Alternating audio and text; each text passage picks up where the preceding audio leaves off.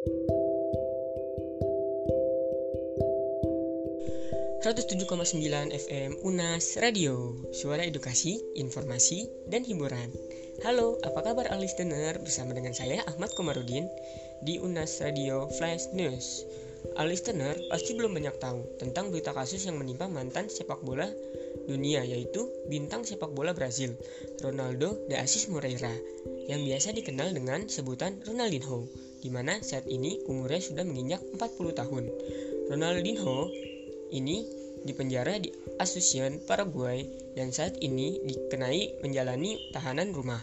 Ternyata kasus ini bukan dari bagian sepak bola loh, tapi dari luar bagian sepak bola. Ronaldinho ini ditahan karena memasukkan paspor, lalu membayar uang jaminan senilai 800 ribu dolar Amerika Serikat yang dirupiahkan menjadi 13 miliar. Wah, banyak sekali ya, listener. Anehnya, kakak Ronaldinho, Roberto de Assis Moreira, yang turut dipenjara karena kasus yang sama, juga membayar jaminan serupa. Terus ya, listener, kata Hakim Gustavo Amerilla, uang jaminan ini signifikan agar mereka tidak kabur.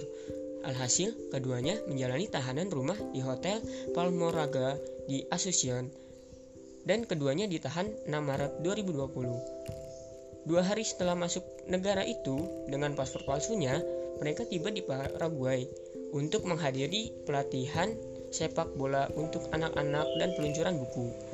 Amerila memastikan penyelidikan kasus yang mengarah ke dugaan kasus pencucian uang itu terus berjalan.